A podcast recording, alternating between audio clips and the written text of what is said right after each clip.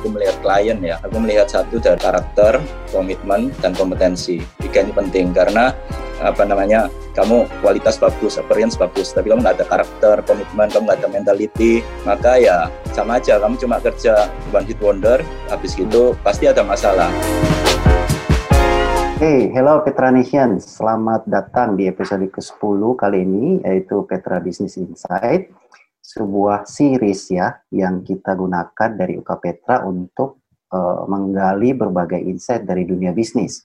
Uh, saya Ferry, uh, yang hari ini akan ngobrol dengan satu tamu kehormatan saya, yaitu Gabriel Budi Liminto. Pak Gabriel Budi Liminto, it's an honor Pak Gabriel, tapi mungkin saya panggilnya Gabriel aja karena beliau masih sangat muda ya jadi it's an honor to have you here. Thank you Huma sudah bisa menggelar acara ini. Jadi hari ini kita akan ngobrol soal how to live your passion ya.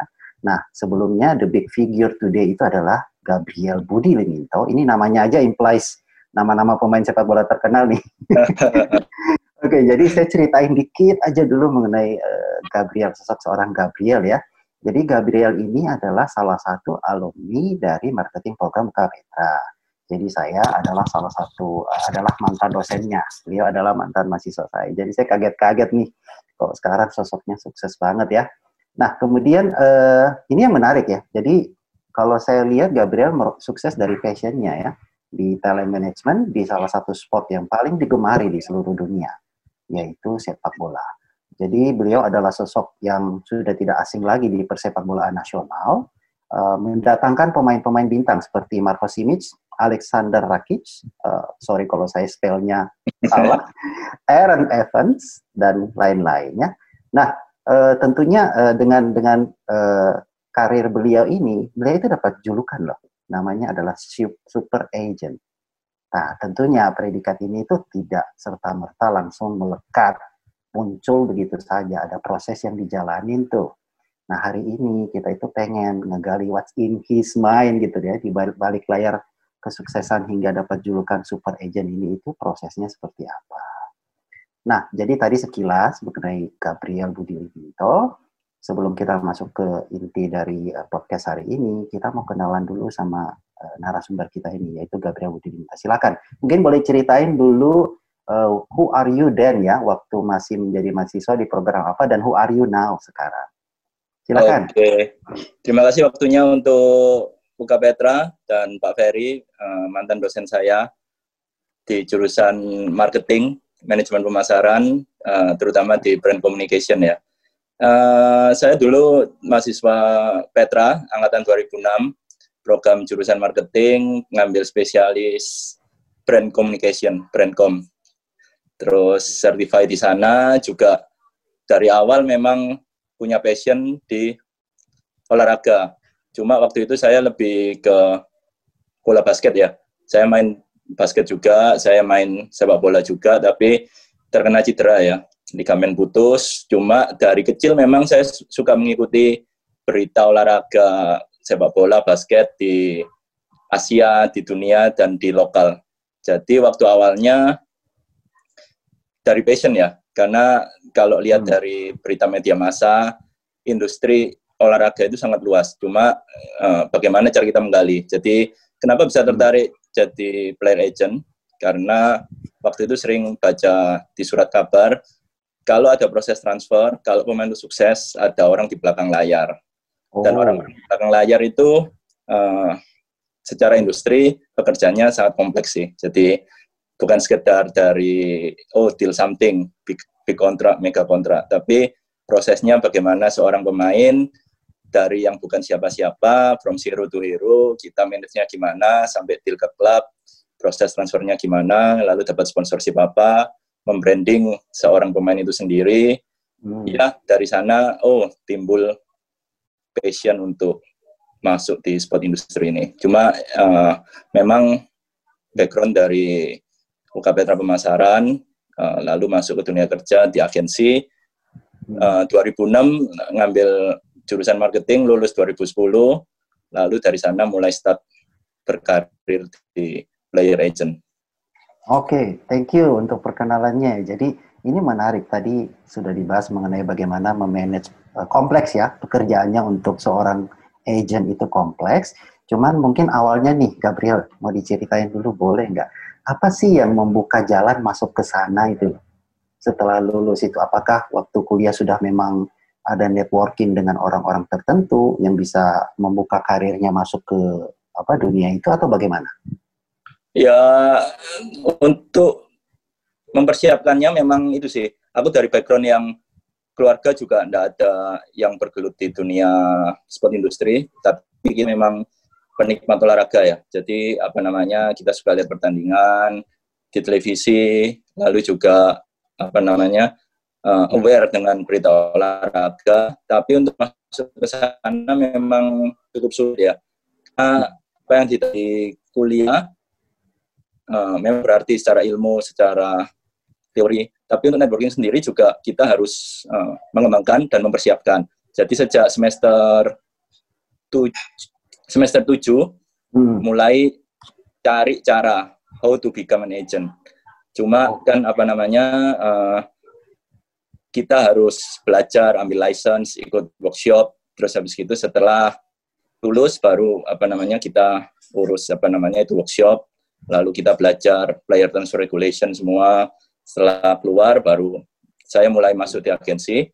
Itu kan jalannya terbuka, lalu mulai kegiatan scouting dan negotiation kontrak seperti itu. Cuma memang di sini ada perbedaan kalau di kuliah dan dunia kerja. Di dunia kerja ini apa namanya uh, lebih keras ya pasti ya, terutama di bidang sport industri karena memang uh, di sini saingannya kebanyakan orang asing juga, lalu kita juga deal dengan berbagai macam orang, berbagai macam klub, ada hmm. politikus, birokrasi, dan memang oh. kalau habis lulus lalu masuk ke dunia kerja ini, di dunia kerja ini kill or to be kill ya. Jadi kita nggak bisa percaya 100% sama klien sendiri, kita juga harus lihat bagaimana karakter orang itu. Kita maksudnya nggak ada ilmu, nggak ada ilmu pasti. Jadi semuanya dinamis dan kita harus anu sih, maksudnya apa yang kita dapat di kuliah uh, kita perhatikan tapi uh, di dunia kerja memang tidak boleh naif ya semuanya seperti apa namanya sangat dinamis di sini. Oke okay, oke okay. iya ini menarik karena uh, tadi proses yang diceritain jadi tidak uh, boleh naif ya tapi tentunya harus ada praktek jadi nggak boleh kita uh, apa tanpa melalui sebuah proses ya Nah, kemudian tadi gimana sih uh, Gabriel bisa memenangkan hati daripada para pemain sepak bola yang terkenal untuk gabung dengan agensi dari Gabriel sendiri? Mungkin soal trust mungkin ya atau bagaimana? Ya, kalau memang ini kan kalau di dunia di dunia di dunia agensi uh, trust is the most important ya. Jadi kita harus punya prinsip kerja. Apa yang membedakan kita sama agensi lain. Jadi kita juga harus tahu lah maksudnya karakter klien kita gimana. Makanya itu kan apa yang kita dapat di kuliah, STP, segmenting, targeting, some positioning, itu bisa dibagi di sini juga apa namanya how to communicate. Lalu kita juga perlu product knowledge harus bagus ya. Jadi uh, hmm. kalau tahap pertama seperti analyze kita terbang ke sana menganalisa pemain. Jadi kita sudah hmm. harus tahu kira-kira statusnya bagaimana. Lalu yang paling penting memang itu siapa namanya tidak eh, uh, bisa kita langsung pertama start kerja langsung bawa pemain top terkenal semua. Jadi ada tahapan step step by step. Jadi saya sudah di sini 10 tahun. tahun eh, tahun-tahun awal memang kita harus merintis ya. Jadi cuma uh, begitu kita bawa pertama bagus apa maka orang akan percaya. Jadi uh, di sini juga saya bawa pemain ke Liga Asia, Indonesia, Malaysia, Thailand, Hong Kong. Tapi kita hmm. juga uh, bawa pemain Indonesia keluar. Oh, gitu. Okay. Liga Thailand ke Liga Hong Kong, Liga Malaysia. Jadi sana maka terbentuk international networking. Uh, kan apa namanya? reference by reference ya, reference by reference terus hmm. terus mereka juga bisa cek kredibilitas seorang agent di website resmi di Transfermarkt, lalu juga di media massa, terus juga biasanya mereka bisa tanya input dari pemain lainnya atau pelatih lainnya. Oh, oke, okay, oke. Okay. Jadi tadi yang dibicarakan oleh Gabriel adalah sebenarnya itu adalah brand ya, jadi reputasi ya. Reputasi itu penting banget dan bangunnya nggak bisa semalam tuh harus pelan-pelan. Tapi kita buktikan kalau kita dapat sesuatu yang kecil, kita rawat, pelihara dia jadi besar. Nah itu mungkin yang bisa jadi word of mouth ya, bisa untuk networking selanjutnya. Nah, tadi menarik mengenai apa uh, memahami produk, memahami produk. Produknya ini kan mungkin ya kalau dalam gambaran saya adalah pemain sepak bolanya ya. Dulu kalau kita, dulu saya sih kalau main PES itu apa ya? Championship Manager kalau nggak salah. CM. Ya, ya, Championship Manager itu kan ada atribut-atributnya tuh, ada positioning, player dan lain-lain. Nah, kalau saya ingat, uh, kita mungkin ingat atau Gabriel mungkin pernah nonton Moneyball ya, Brad Pitt ya. Yes. Film itu, ya. Jadi uh, boleh nggak uh, Gabriel memberikan kita cara bagaimana mendeteksi potensi dalam seorang pemain gitu loh untuk bisa dalam posisi dalam proses scouting itu misalnya mungkin ya. Ya, tapi aku mau lebih bahas lebih secara global ya. Kan ya, karena boleh. kan apa namanya ini untuk university program Kampetra kan maksudnya kita harus bahas secara global tapi dari sudut pandang aku ya. Jadi kalau okay. kita kalau misalnya aku melihat klien ya, aku melihat satu dari karakter karakter komitmen, dan kompetensi. Tiga ini penting karena hmm. uh, kompetensi without karakter dan komitmen that's totally bullshit ya. Jadi hmm. maksudnya apa namanya kamu kualitas bagus, appearance bagus, tapi kamu nggak ada karakter, komitmen, kamu nggak ada mentality, maka ya sama aja. Kamu cuma kerja one hit wonder, habis hmm. pasti ada masalah. Karena kita ini bicara ke uh, people business. Jadi uh, apa namanya people bukan barang ya. Jadi kita perlu namanya karakter dan komitmen ini tentu saja tanpa melupakan kompetensi.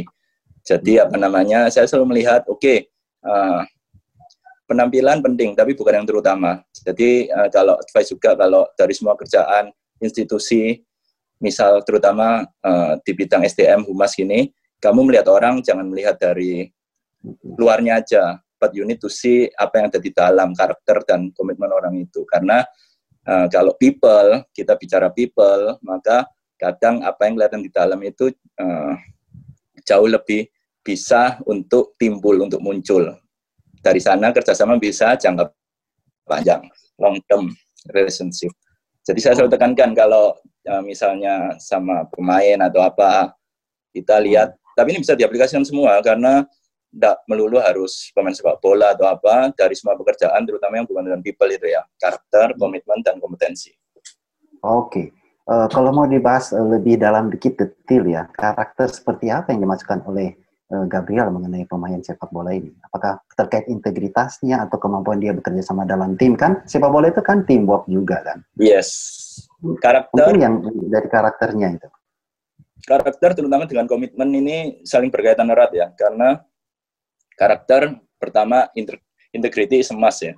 Karena kalau misalnya klien atau orang sudah bicara A jadi B, B jadi C, ya itu buat apa kita kerja sama kalau sudah dicapai, kalau orang punya karakter, bicara A, gentleman agreement A, lalu kita paper A, semuanya oke, okay, maka itu berarti punya karakter. Juga karakter di masa-masa sulit ya. Jadi, uh, makanya itu saya bilang, setiap bisnis, terutama people, sifatnya sangat dinamis karena kita nggak tahu apa yang terjadi. Karakter bisa dilihat ketika situasi sulit. Hanya ambil contoh pemain, kalau pemain dalam masa cedera, dalam masa pemulihan, maka kita bisa lihat karakternya, apakah dia tekun untuk sembuh atau malah semakin drop. Lalu juga uh, kaitannya dengan situasi politik. Seperti sekarang kalau tidak ada izin kepolisian untuk menjalankan liga, maka dari sana karakter seseorang akan akan terlihat. Karena kalau masa-masa sulit uh, bagaimana dia bisa memanage mentalitinya supaya tetap latihan badannya on shape? Bagaimana dia bisa memanage emosinya? Kan karena untuk business people erat kaitannya dengan yang namanya mentalitas pribadi lalu dengan tekanan how to handle the pressure. Ya itu makanya itu penting. Karena kalau pemain cuma punya kompetensi tapi mulutnya bisa dipegang karakternya nggak bisa dipegang, ya buat apa? Oke, oke. Jadi sebenarnya mungkin secara skill itu mungkin nomor satu secara skill bisa diasah. Yang kedua secara skill banyak pemain-pemain dengan skill yang sama, semuanya berkualitas. Tapi kalau secara karakter mungkin dibedain kan? Itu yes. yang akan membuat seorang pemain bisa bisa populer dalam arti punya reputasi bukan hanya terkenal aja kan? Yes.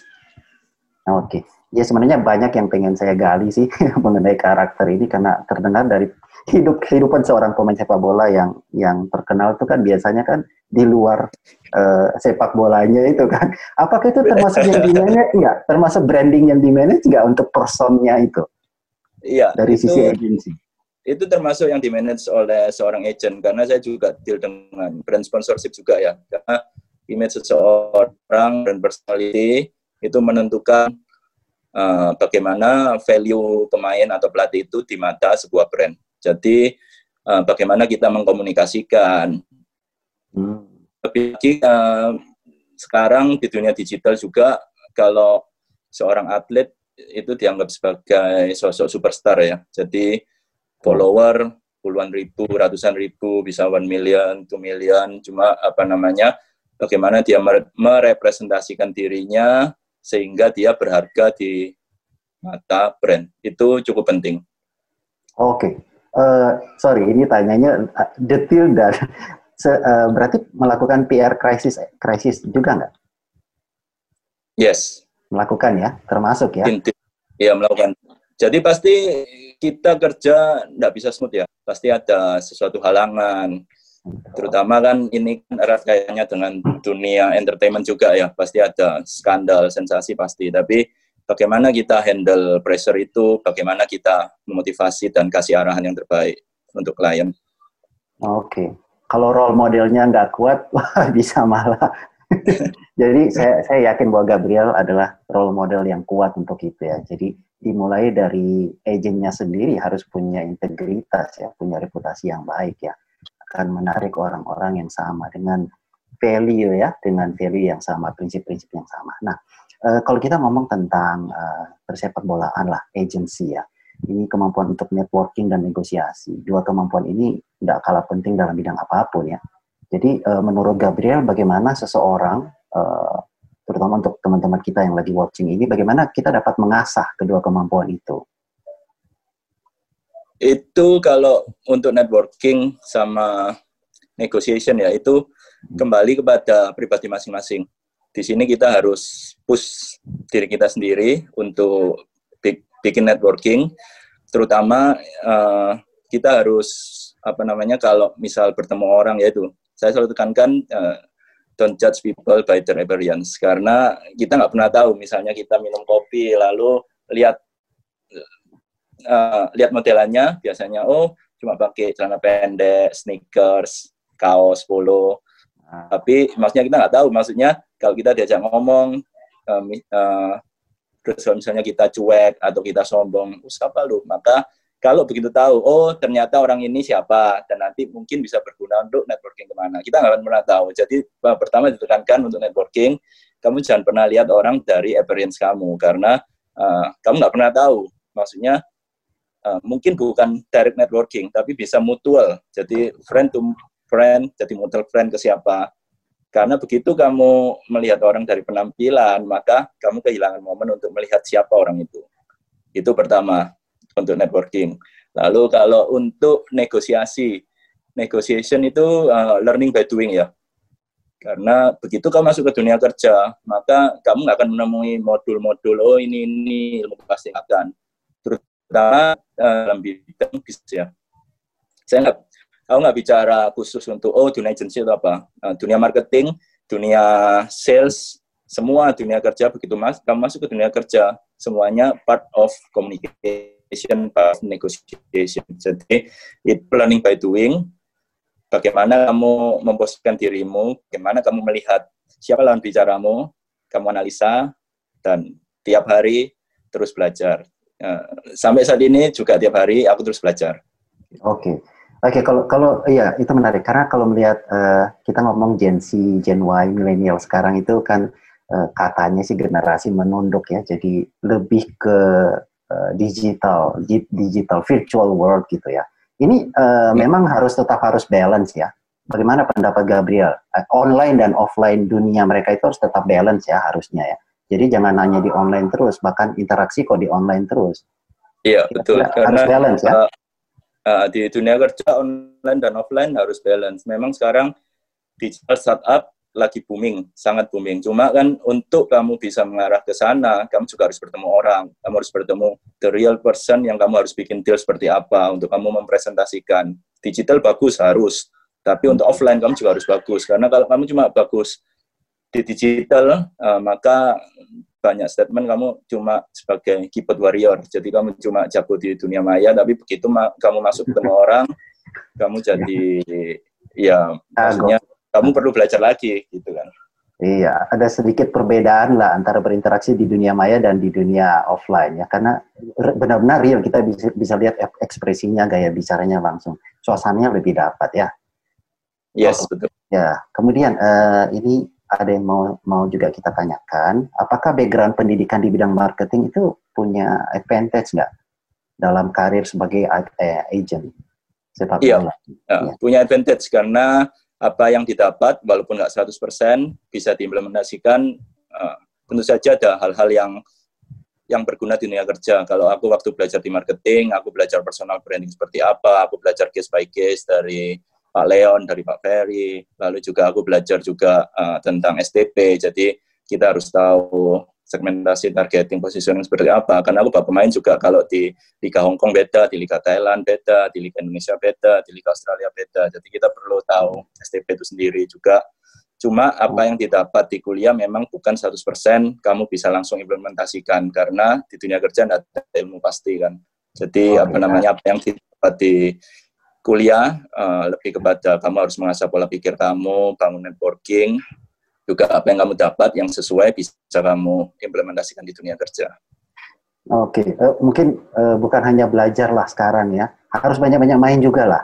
Main itu bukan main itu maksudnya banyak main ketemu ngobrol sama orang itu menarik yes, harusnya berinteraksi yeah. gitu. Iya, karena kebanyakan bukan kebanyakan saya nggak ngejat sih, cuman agak hesitate gitu loh untuk sekarang ini kita membangun conversation.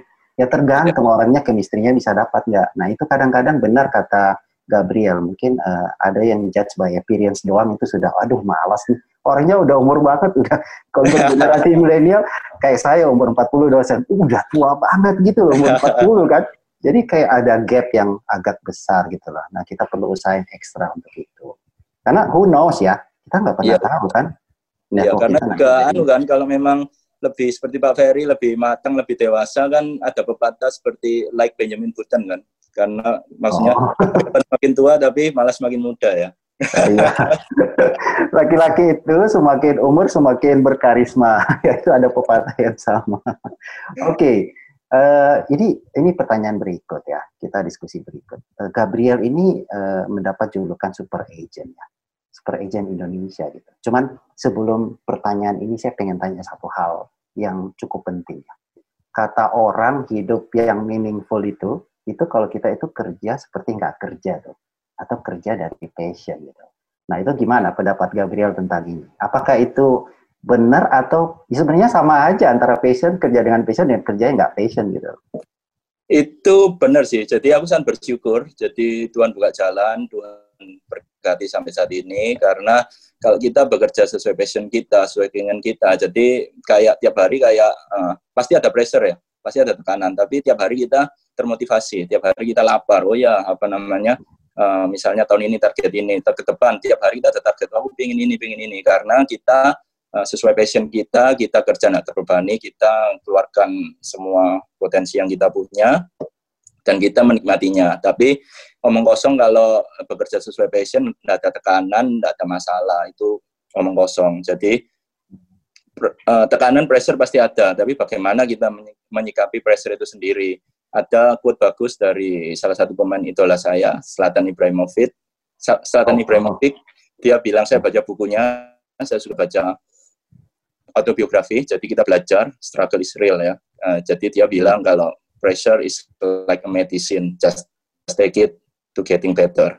Jadi itu bisa diaplikasikan semua karena kalau kerja sesuai passion tapi nggak ada strugglingnya, nggak ada dukanya itu bullshit. Jadi Uh, ya. Memang bekerja sesuai passion, apa namanya kita bisa enjoy, termotivasi, tapi tekanan pasti ada. Tapi bagaimana kita handle pressure itu sendiri. Oke, okay. ya kalau nggak passion kita kerja ya kita nggak punya alasan untuk melakukan atau nurusin kalau ada masalah kan. This is not yes. even my passion gitu loh. Ya cuma segini aja kamu. Datar ya, datar hmm. gitu ya. ya mungkin struggle itu justru membuat kita itu naik level menurut saya bertumbuh yeah. gitu ya kita bisa bertumbuh kalau nggak ada struggle kita nggak bisa nggak bisa lihat opportunity berikutnya yes. dalam passion gitu ya oke okay, uh, eh, ya ini ini sebelum masuk lagi ke pertanyaan berikutnya menarik soalnya uh, caranya menemukan passion gimana apakah kita harus uh, banyak eksperimen dulu baru nemuin atau kita bisa nggak langsung masuk oh ini passion saya kita bukan ngomong passion dulu lah hobi saya atau yang saya sukai gitu loh. Terus kemudian kita langsung terjun ke situ. Atau mungkin ada proses yang dijalani sampai menemukan passion itu sendiri.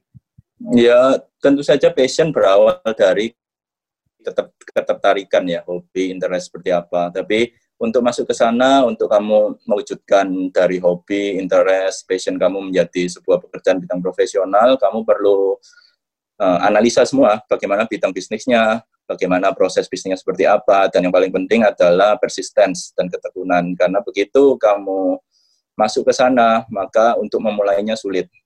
Tapi tentu saja dari hobi, interest, ketertarikan itu itu memang apa namanya salah satu dari passion yang bisa kamu wujudkan dalam dunia profesional. Oke, ya uh, kalau mau ditanya nih, kita ngomong jujur-jujuran belak-belakan.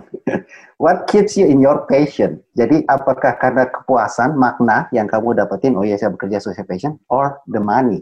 Which one? Iya, uh, tentu saja aku nggak munafik dua-duanya.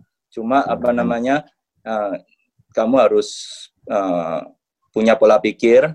Kalau kamu bekerja sesuai passion, maka uh, money is important, tapi bukan uh, the one and only. Karena juga ketika kamu bekerja sesuai passion, maka profit wajar kita kerja profesional perlu profit. Tapi ketika kamu mendapatkan profit, uang itu di atas segalanya, maka nilai-nilai kerjamu, value-value utama kerjamu bakal kamu tumpuk kompromi nanti apa namanya apa yang sudah kamu bangun bisa lenyap seketika. Jadi aku selalu menekankan kerjasama harus long term.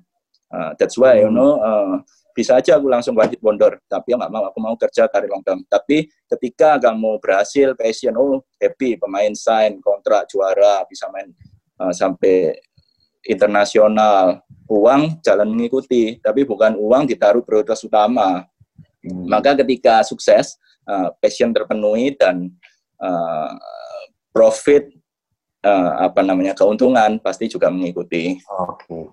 Iya, benar ya. Kayaknya insight yang menarik. Kalau kamu ngutamain duit, biasanya kabur passionnya. Prinsipnya jadi luntur. Karena hilang ya. Iya, karena menurut saya opportunity banyak sih, tapi jangan sampai ngancurin brand kita, reputasi kita yang ada di tadi ya. yes. ya. yang prinsip-prinsip kita itu loh kerjasama long term nggak mau one hit wonder kayak gitu ya Gabriel ya yes oke okay. nah ini ini yang mungkin uh, jadi sesuatu yang terakhir kita bisa bicarain Gabriel mendapat julukan super agent Indonesia ya, atau George Mendes dan Nino Raiola Indonesia. Oke, okay? nah gimana tanggapan Gabriel tentang julukan ini nomor satu itu? Dan yang kedua, ada nggak yang masih mengganjal atau cita-cita ke depannya yang masih pengen diraih ke, ke depannya? Uh, tentang julukan super agent, aku nggak bisa dong nyebut kayak diriku sendiri, oh I'm super agent, dah janganlah, karena aku sifatnya aku terus belajar. Karena oke okay, kalau meta pemain pelatih klub-klub menyebut itu terima kasih dan puji Tuhan. Tapi aku selalu tekankan kalau banyak orang tanya Budi kamu uh, dipanggil Jorge Mendesnya Indonesia Mino Rayolnya Indonesia? Aku tetap tidak mau karena mereka lebih senior mereka lebih sukses luar biasa. Aku punya brandku sendiri karena aku selalu bilang uh, everyone want to be an agent but there is only one Gabriel Budi jadi hmm. itu maksudnya aku bukan untuk sombong, oh I'm the only one. Uh, tapi aku mau menekankan di setiap apa yang kamu kerja, kamu harus uh, keluarkan apa yang terbaik, be yourself. Jadi apa namanya, salah satu uh, atlet itulah saya, almarhum Kobe Bryant juga bilang apa namanya, uh, kamu harus benar-benar jadi the real you. Itu maksudnya untuk kamu mengeluarkan apa yang terbaik dari kamu, supaya kamu dapat mencapai target yang tertinggi. Jadi uh, aku bukan sombong, tapi kalau aku dibandingkan mereka jauh lebih senior uh, call me just call me Gabriel Budi karena uh, kalau di semua dunia kerja juga uh, kamu harus jadi be yourself ya karena kalau kamu niru orang lain maka kamu hanya jadi seperti copycat tapi kalau kamu jadi the real dirimu sendiri maka kamu bisa keluarkan uh, like semua potensi maksimalmu. Oke, okay, oke. Okay. Nah, gitu. Kemudian cita-cita atau ada mimpi yang ke depannya nih yang bisa di-share sebelum saya kembali. Jadi sebenarnya sebenarnya benar ya Gabriel. Uh, brand itu atau reputasi itu bukan kita ngomong kita itu siapa kan. Kita itu siapa di mata orang lain. Jadi orang lain yang memverifikasi atau memvalidasi itu ya. Yes. But, uh, itu brand Gabriel sih di mata persepak bolaan nasional. Super agent. Jadi itu brand Gabriel. Tapi ini adalah satu satu value ya yang penting yang juga teman-teman mungkin bisa bisa apa resapi ya bahwa harus tetap humble ya berproses dan tetap humble. Saya melihat yeah. itu dari Gabriel. Oke, okay. uh, eh, kembali ke tadi. Ada dream apa nih yang yang masih mengganjal dan pengen dicapai ke depannya nih? Iya, kalau mimpi, ya memang apa namanya, aku beberapa kali bawa pemain ke liga luar, pemain timnas ke liga luar juga, tapi mimpi yang belum tercapai juga itu apa namanya eh, benar-benar membawa pemain nasional pemain Indonesia benar-benar sukses di luar negeri bukan secara marketing atau investasi saja tetapi pemain yang benar-benar sukses secara kualitas dan bisa bertahan dalam jangka waktu yang lama. Itu sih mimpi yang belum tercapai. Oh oke. Okay.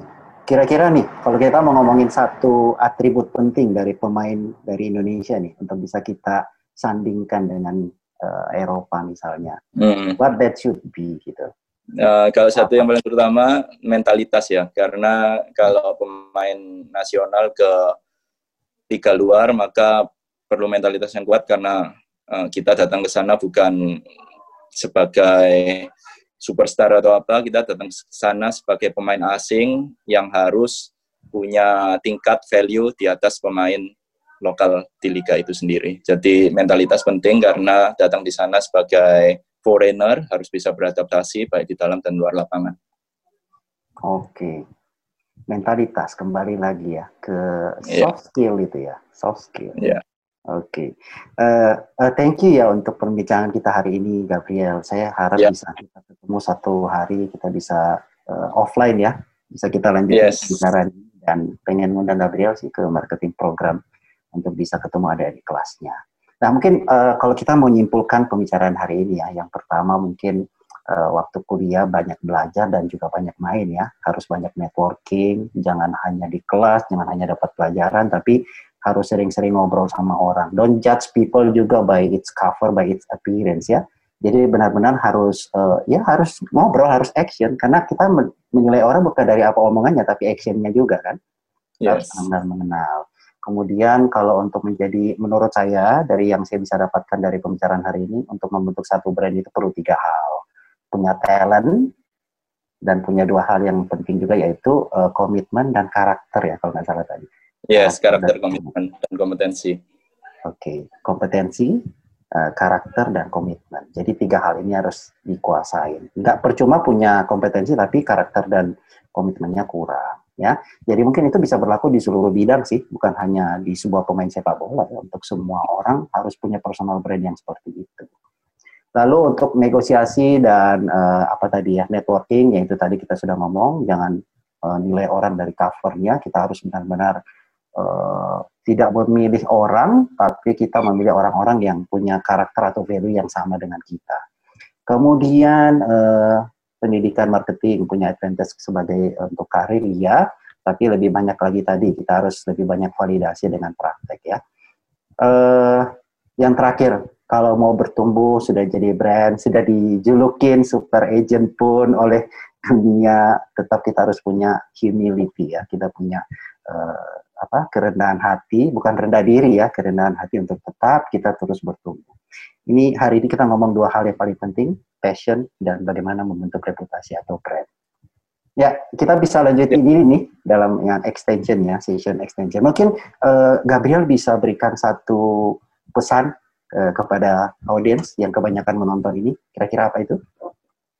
Pesannya yaitu apa namanya tadi sudah dirangkum jadi conclusion ya. Uh, karakter komitmen kompetensi penting uh, jangan lihat orang dari by cover atau appearance juga jadi be the best version of yourself ya karena uh, ketika kamu jadi versi terbaik dari dirimu sendiri maka semua potensimu bisa keluar bisa maksimal dan jadi berkat Oke, ya yang terakhir itu yang belum sempat saya simpulkan itu penting juga karena dengan menjadi diri sendiri kita itu punya apa kita ngeluarin potensi terbesar kita, skill dan strength terbesar kita. Sekali lagi thank you untuk hari thank ini. You. I'm honored to talk to you. It's been a long time ya. Uh, yeah. Dan saya mengucapkan I wish you the best untuk karirnya ke depannya, nah. untuk cita-citanya yang tadi masih mau dicapai ya. Thank you untuk Siap. masuk ke Petra yang bisa arrange